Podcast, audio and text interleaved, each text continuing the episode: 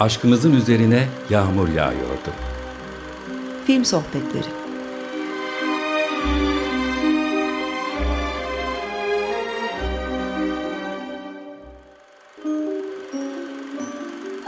Hazırlayan ve sunan Zeynep Ünal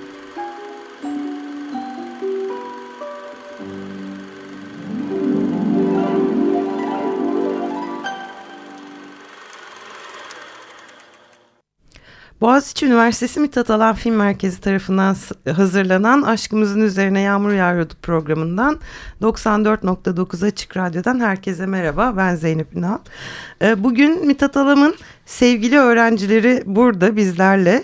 Sinefil Dergisi yayın kurulu üyesi Rana Önoğlu ve kısa filmci diyebiliriz artık. Ozan Yoleri bizlerle. Hoş geldiniz. Hoş bulduk. Hoş bulduk. Ee, birlikte İngiliz yönetmen e, Peter e, Strickland'ın 2012 yapımı Berberian Ses Stüdyosu filmini konuşacağız. E, malum okullar kapandı artık yavaş yavaş e, yaz, yaz okul programları üniversitelerde başlayacak bu ayın sonuna doğru. E, merkezin öğrencileri tarafından çıkarılan bir dergimiz var bizim Sinefil dergisi. E, Sinefil dergisinin yayın kurulu da e, yaz okulunda gelecek öğrenciler için merkez binasının terasında her yıl geceleri film gösterimleri yapıyorlar. Ve bu programda da iki ayrı başlık seçtiler. E, Türkiye'den filmler ve korku filmleri bölümümüz var. E, ee, 26 Haziran'da başlıyor. Bu korku filmleriyle başlıyoruz ve programın ilk filmi de Türkiye'den bir korku filmi Baskın. Filmin yönetmeni Can Evrenoğlu da filmden önce öğrencilerle bir araya gelip hem kendi filmini konuşacak hem de programdaki diğer korku filmlerinin üzerine sohbet edecek. E, programdaki bir diğer filmimiz ise bugün konuşacağımız Berberian Ses Stüdyosu. E, ben biraz filmden böyle kısaca bahsedeyim. E, İngiliz bir e, ses teknisyeni Gilderoy, İtalyan bir yönetmenin korku filmlerinin seslerini yapmak üzere İtalya'ya gidiyor. Ve stü stüdyoda da sürekli böyle çığlık atan kadınlar ve alaycı yapımcılar, e, insanlar bulunuyor. E, Gilderoy da bu karanlık ve tuhaf mekanda gerçek ve sanrılar arasında bir mücadeleye girişiyor. Bilmiyorum doğru özetleyebildim mi filmi? Yani. o zaman senden başlayabiliriz. Film hakkında ne düşünüyorsun? E, film hakkında tabii öncelikle film yapımı ile ilgili bir film olduğu için e, ilgi çekici başlıyor. E, sinema severler için de ben ilgi çekici olacağını düşünüyorum.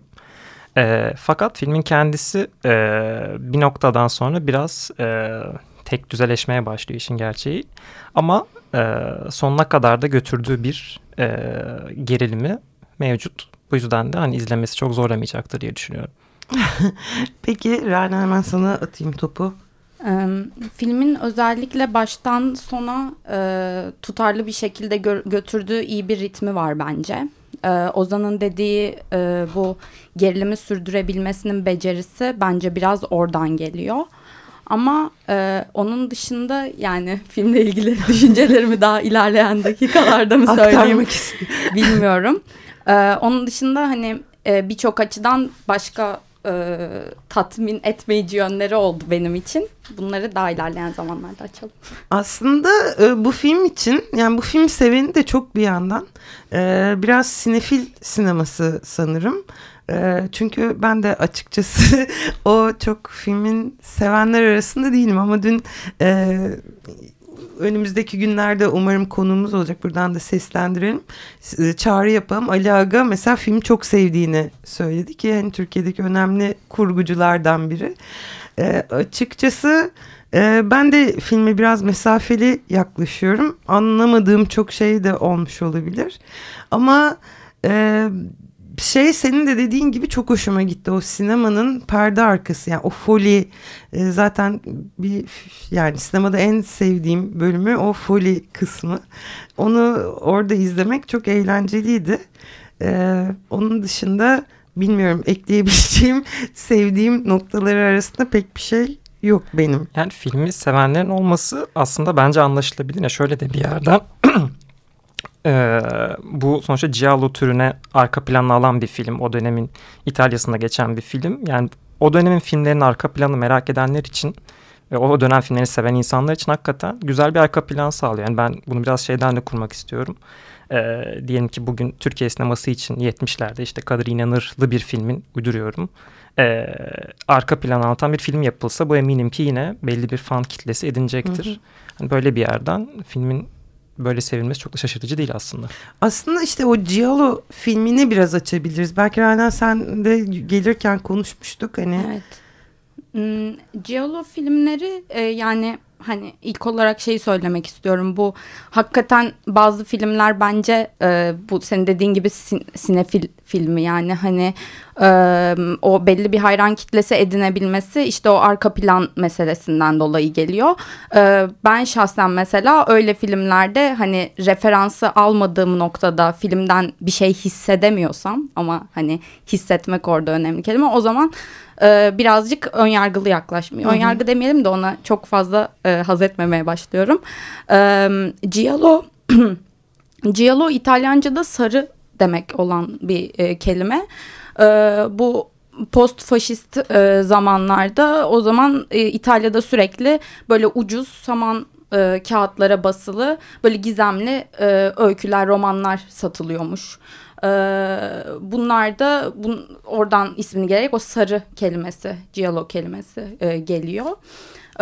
Bu 60'larda İtalya'da başlayıp 70'lere doğru peak yapan hani e, daha fazla çekilmeye başlanan, e, üretilen bir e, korku sineması alt türü. E, bu işte Dario Argento o temsilcisi diye biliniyor.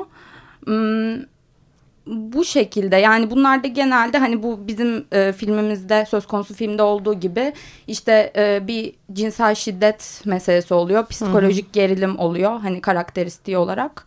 E, o dönemin filmlerine hani referans veriyor hakikaten. Evet yaptıkları filmde yani ses aslında film içinde yani filmimizde film içinde bir film var ve e, onu seslendirmeye çalışıyorlar onun seslerini yapmaya çalışıyorlar.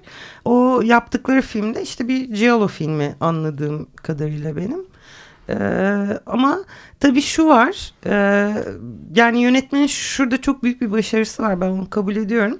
Yani görüntülerden ziyade ses ile ilgili bir film yapmış. Yani sesleri o kadar çok duyuyoruz ki o işte hani çığlık atan kadınlar olmadı bir daha. Ee, sen belki hani buna benzer filmler hakkında da konuşmuştuk Ozan. Onu birazcık anlatabilirsiniz. Evet yani belki. sinemada meta anlatı sık sık e, çok yani sık sık örneğin gördüğümüz bir şey değil fakat böyle her yönetmenin bir tane bir dönem özellikle otör sinemasında böyle bir film oluyor. Ee, ama çoğunlukla görüntüyle alakalı. Yani sinemanın yapılış biçimi işte Fellini'nin 8.5'u var. Truffaut'un Day for Night'ı var. Ee, ne bileyim Bob Fosse'un All That Jazz'i sayabiliriz. Mesela Barton Fink Coen'lerin filmi. Evet. O mesela daha senaryo üzerinden ilerleyen bir süreçti. Bu bence o yüzden özgün bir yerde duruyor. Çünkü direkt ses üzerine yapılmış bir sinema meta anlatısı. Ee, bunda tabii bence doğrudan akrabalık kurabileceğimiz film Coppola'nın Conversation'ı. Evet. Ee, yani bu konuda Ümran'dan ekleyecekleri vardır eminim. Yani e, evet katılıyorum zaten şey olarak da görüntü e, olarak da direkt e, bu analog ses makinalarına e, makinalarını sık sık gösteriyor olması hani benim aklıma direkt The Conversation'ı getirdi yani. Ve hani iki başrolünde böyle bir mükemmel sesi yakalama takıntısını aslında Hı-hı. bahsedebiliriz yani. E, Conversation'daki o adamın bu çok dolu bir parkta iki kişi arasındaki diyaloğu çok uzak mesafeden dönemin teknolojik gelişmiş araçları yakalama takıntısı bu filmde de e, bu foli araç gereçleriyle filmde bolca gördüğümüz sebzeler, meyveler, e, sapından koparılan küçük domatesler, işte kabaklar, lahanalar filan. E, bence o noktada örtüşen bir tarafı var. Fakat bence esas e, tam tematik olarak örtüştüğü film De Palma'nın Blowout'u. Çünkü o filmde de e, bizim gördüğümüz ana karakter bir ses teknisyeni ve bir e, trafik kazasını kaydediyor tesadüfen ve bu kayıt e, sayesinde anlaşılıyor ki bu kaza aslında bir kaza değil bir cinayet ve bu sayede başı belaya giriyor bizim baş karakterimizin. E, ve şimdi filmin sürprizini bozmuş olmayayım o yüzden tam yerini söylemeyeceğim ama bu e, Sound Studio'da gördüğümüz duyduğumuz çığlıklar aslında Blowout'taki çığlıkla da bence tematik bir yerden güzel örtüşüyor. Eğer izlemiş olanlar varsa hı hı. E, onu kuracaklardır diye düşünüyorum. İzlemiş hı. olanlar için sürprizini bozmayayım. Evet. Ee, aslında ben e, oyunculuklar hakkında da konuşmak isterim. Çünkü filmin başrol oyuncusu Toby Jones. E, benim çok sevdiğim bir oyuncu. E, ve gerçekten e, çok başarılı bu filmde. Yani son dönemde çıkışta yaptı aslında. Yani özellikle e, Sherlock çok popüler bir dizi. Yine Hı-hı. İngiltere'de ve dünyada tabii. E, son sezonda bir bölümde ciddi ciddi baş villain'dı, baş kötü karakterdi. E, bir de tabii Haneken Happy End'inde de rol alınca geçen evet. sene bir Cannes'da da boy gösterdi. E, popülaritesi son 2-3 yıldır bu filmin ardından bunun 2012 filmi olduğunu düşünürsek e, giderek artan bir oyuncu. Bunda özgün yüz hatlarının ve e, karakteristik görünüşünde bence etkisi var. Evet gerçekten. Çünkü yani çok naif bir karakteri canlandırıyor ama o yani e, maskından dolayı da her an o şeye çok yakın. Yani film boyunca işte sürekli e, İngiltere'den geliş parasını istiyor karakterlerden ve hep onu öteliyorlar. ve her an o konuda bir şey yapabilecekmiş gibi bekliyor izleyici. Yani biraz sonra bir adamı bıçaklayacak yani o kadar naif bir karakterin o maskla öyle bir şeyi bekletiyor. E, oyunculuklardan bahsetmişken hemen bir de Filiz Akın'a ülkemiz sinemasından Filiz Akın'a kulak verelim dilerseniz sonra tekrar devam edelim.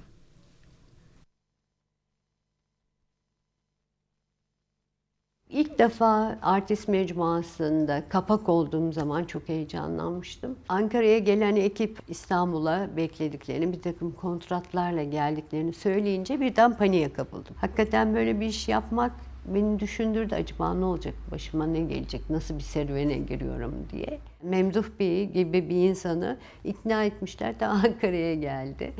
Ee, akasyalar açarken o yönetti. Onun için herhalde. Yoksa bunu yapmayacak bir insan. Evet der gibi oluyordum. Sonra otele gidiyordu. Bir telefon ay yok hayır ben vazgeçtim falan. En sonunda bir telefon çalmış işte böyle anlaşmıştık. Hemen duşa girmiş Memduh Bey. Duymak istemiyorum ben onun sesini diye. Bir isim olmak starlar bir başlangıç gibi olmuştu. O tabii büyük bir kolaylık getiriyor tanınmışlık. Ee, o tanınmışlık bir sürü kontrat getiriyor. Ama benim e, şanssız diyebileceğim şey Atıf Yılmaz, Metin Erksan gibi rejisörlerin en önem vermedikleri filmlere rastladım. Bu filmlerde hani kompozisyon çizmekten çok Hani bir hikayenin güzel kadını, güzel erkeği gibi takdim ediliyorduk ve seyirci de bunu seviyordu o zaman, kabul ediyordu. Yetenek ve güzellik bazen e, sinemada star olmak için yetmeyebiliyor. Esas proje önemli. Biz daha çok projelerin ürünü olarak şöhret olduk diye düşünüyorum. Sinemayla olan ilişkimi bilmiyorum daha önce söylemiş miydim? bir aşk ilişkisi gibi kendim bıraktım. Kendim vazgeçtim. Bu çok büyük bir duygusal özgürlük getiriyor insana. Yani o, o bırakmadan ben bıraktım. O 117 film yapmayı, yapmayı da çok büyük bir tatmin olarak görüyorum. Aşkımızın üzerine Yağmur Yağıyor'da da Ranan ve Ozan'la sohbetimiz sürüyor. Az önce dinlediğiniz kayıtlar Mithat Alan Film Merkezi'nin görsel hafıza projesine aitti. Ee, filmimize geri dönecek o hatta yönetmene geri dönelim diyorum Ozan ne dersin? Ee, ee, filmleri hakkında ne düşünüyorsun? Filmografisinde nerede bu film? E, yani yönetmenin bu yani çok farklı alanlarda çalışan bir yönetmen. Kısaları var, belgeselleri var. E, aslında ikinci uzun metraj filmi. Ee, ilk uzun metrajı Katalin Varga e, aslında Türk izleyicinin tanıyabileceği bir film. 2009'da Antalya'da yarışmıştı. Öncesinde de bir Berlin ana yaşam macerası var. Ee, ve hatta bu filmle de şöyle bir bağı var. Bizim Sound Studio'da geçen ama hiç görmediğimiz film e, ata binen bir kadın sürekli hı hı. böyle bir tematik diyalog dönüyor oyuncular arasında. E, bu e, Katalin Varga'nın kısa hikayesinde de bundan bahsedebiliriz aslında. Yani e, kızıyla yolculuk yapan at arabasında bir anne var ve bunların bir cinayet hikayesi anlatılıyor. Böyle bir tematik bağ var. Kendi filmde gönderme yapmış gibi bir durum. E, ardından 2014'te e, o yılın bayağı ses getiren bir film Burgonya Dükü'nü yapıyor. Hı hı. E, Burgonya Dükü bence şu açıdan enteresan. E, özellikle bu Sound Studio'dan sonra yaptığı film olduğu için. E, ikisi de lineer anlatıdan ziyade eliptik, kendi içine tekrar dönen bir yapı izliyor ve e, çok fazla rasyonel neden sonuç ilişkisi açıklamaya girmiyor. Bu bence bir yönetmen ki hani otör teorisinden okuyacak olursak bence değerli bir yaklaşım.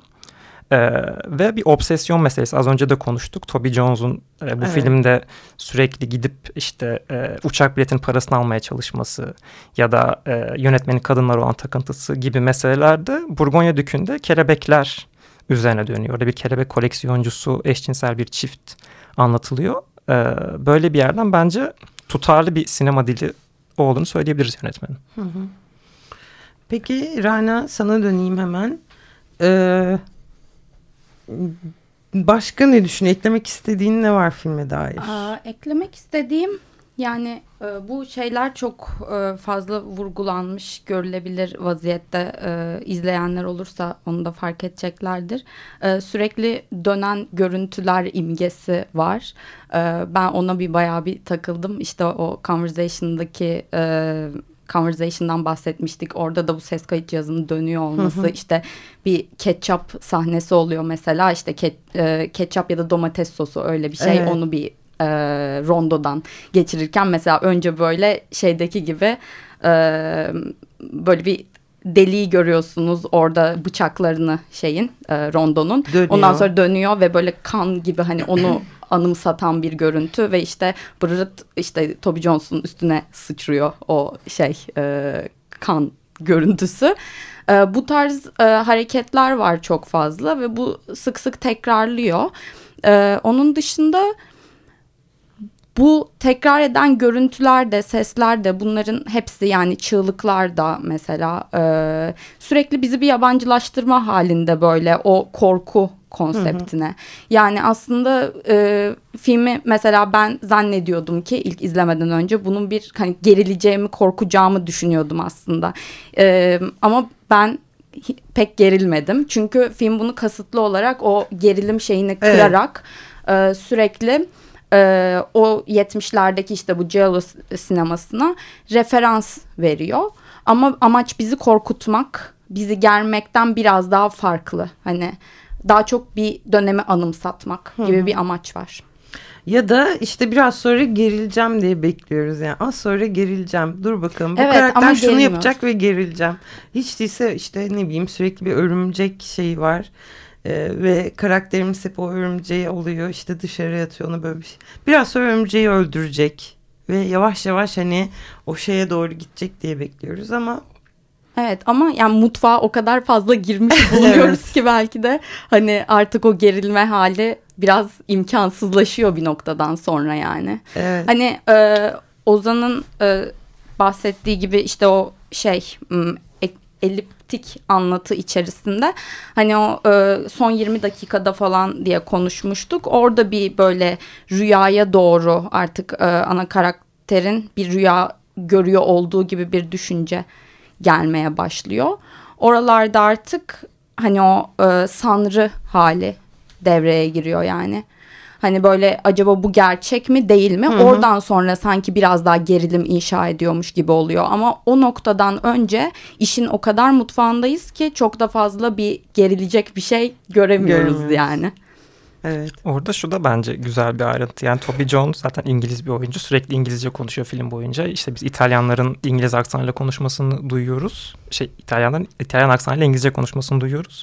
Derken işte bu mutfaktaki rüyavari kırılma sahnesinin ardından Toby Jones biz bundan sonra hep İtalyanca dublajla duyuyoruz aslında. Evet. evet. Öyle de küçük bir yönetmen oyunu mevcut aslında filmde. Evet. Yaratıcı da bir yerden. ee, yavaş yavaş da programımızın sonuna yaklaşıyoruz. Bilmiyorum eklemek istediğiniz filmle ilgili ya da bunu burada bırakıp başka ahlat ağacını konuşmaya başlar mısın? Üçümüz de filmi çok fazla sevmedik ama sinefillerin beğeneceğine eminim. Ee, Serhat ve Uluç Emre'nin de niye programa aldığını da anlıyorum filmi ama e, başka bir filmi konuşmaya geçelim. İzlediniz mi Ahlat Ağacı'nı bu arada? Evet. Evet yani şu an zaten Türkiye'de sinema e, çevresinde konuştuğu en büyük e, mevzu herhalde film. Evet onu da e, beğenenlerinin yanında beğenmeyenler de var filmi. Şahsen ben beğenen tarafta daha yakın duruyorum. Ee, Ortada yeni bir şeyler oldu. Bence bariz e, alışa geldiğimiz bir Nuri Bilge Ceylan filmi izlemiyoruz kesinlikle. E, kurgusu özellikle çok kişiyi ben dahil yabancılaştıran bir yerde duruyor. Ama e, ben filmin daha e, böyle rahat ilerleyen, daha şakacı tavrından aslında çok memnunum. Çok keyifli izledim Hı hı. diyebilirim filmi. Evet böyle bir e, bir absürte doğru bence kayan bir e, tarz geliyor hani Nuri. Bilge Ceylan'dan. E, ama onun böyle eski Nuri Bilge Ceylan'la hani biraz arasında kalıp böyle bazı seyirciyi sallayabilecek evet. bir durum var yani. Görüntü yönetimi de kesinlikle öyle. Çok çok başka bir kamera kullanımı var bence. Oyunculuklar keza öyle. Baş karakter çok e, fazla belirgin bir karakter yani. O yüzden biraz bir sallayabilir yeni Evet. seyirci yani. Yani gerçekten e, ben oyunculukları da çok sevdim. Yarattığı karakterleri de açıkçası çok sevdim. Murat Cemcir'in oyunculuğunu özellikle e, çok sevdim. Ya mutlaka dinleyicilerimize de izlemelerini şahsen tavsiye ediyorum. E, yavaş yavaş programımızın sonuna da geldik aslında. E, Rana'ya ve Ozan'a çok çok teşekkür ediyorum. Beni kırmayıp programa geldikleri için. Biz E, teşekkür ederiz. Ayrıca e, Mithat Alan Film Merkezi'nin e, bu yaz gösterimlerine e, terasta saat 9'da başlıyor akşamları. E, herkesi de davet etmek isteriz. Kaçırmayın. Yani bu biz bu filmi sevmemiş olabiliriz ama program gerçekten çok güzel. E, bugünkü şarkımızı da Rana sizler için seçti ve ben sana atayım burada topu Rana. Sen sun şarkıyı. Tamam ben e, şöyle düşündüm. E, bu filmde sık sık hani o e, Berberian Ses Stüdyosu'nda e, çığlık meselesi bu kadar gündemde olunca hani karakterlere hep doğru bir çığlık attırılmaya çalışılıyor. E, benim de aklım 1996'daki Çığlık bir filmine gitti. Çok doğrudan bir şey olarak. Orada e, Nick Cave and the Bad Seeds'in e, Red Right Hand diye bir şarkısı çalıyor. Hmm, Şimdi Onu ben de bu, evet bunu seçtim bu gelsin Çok teşekkürler. Take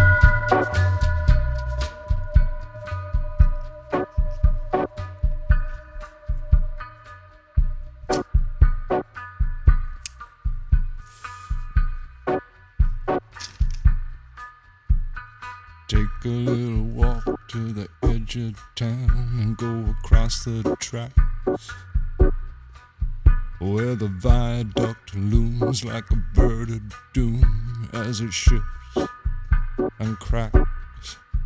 Where secrets lie in the border fires and the humming wires. Yeah, man, you know you're never coming back. Across the square, past the bridge, past the mills, past the stacks. On a gathering storm comes a tall, handsome man in a dusty black coat with a red right hand.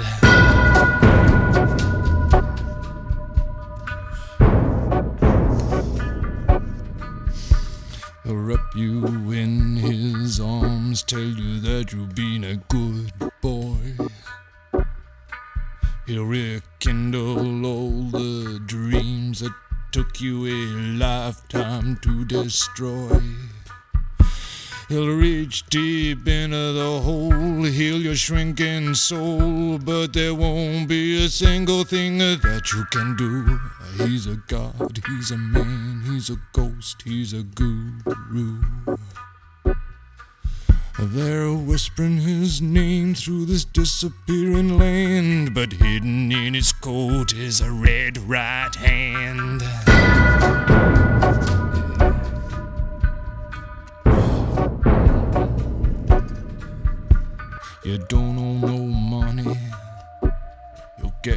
Some.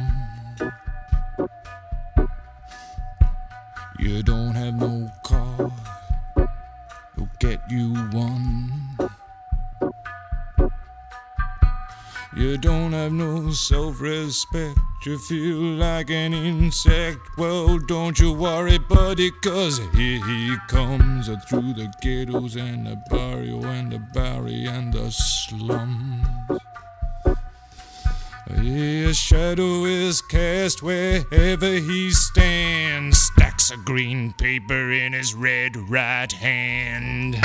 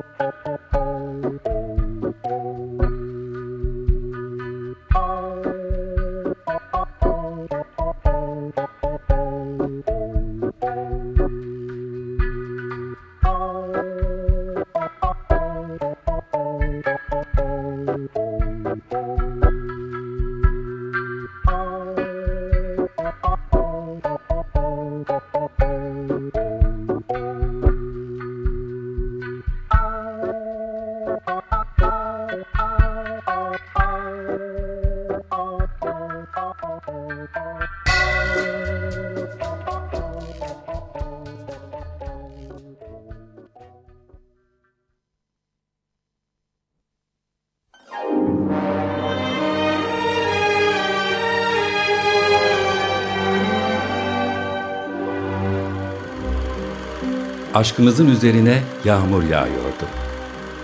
Film Sohbetleri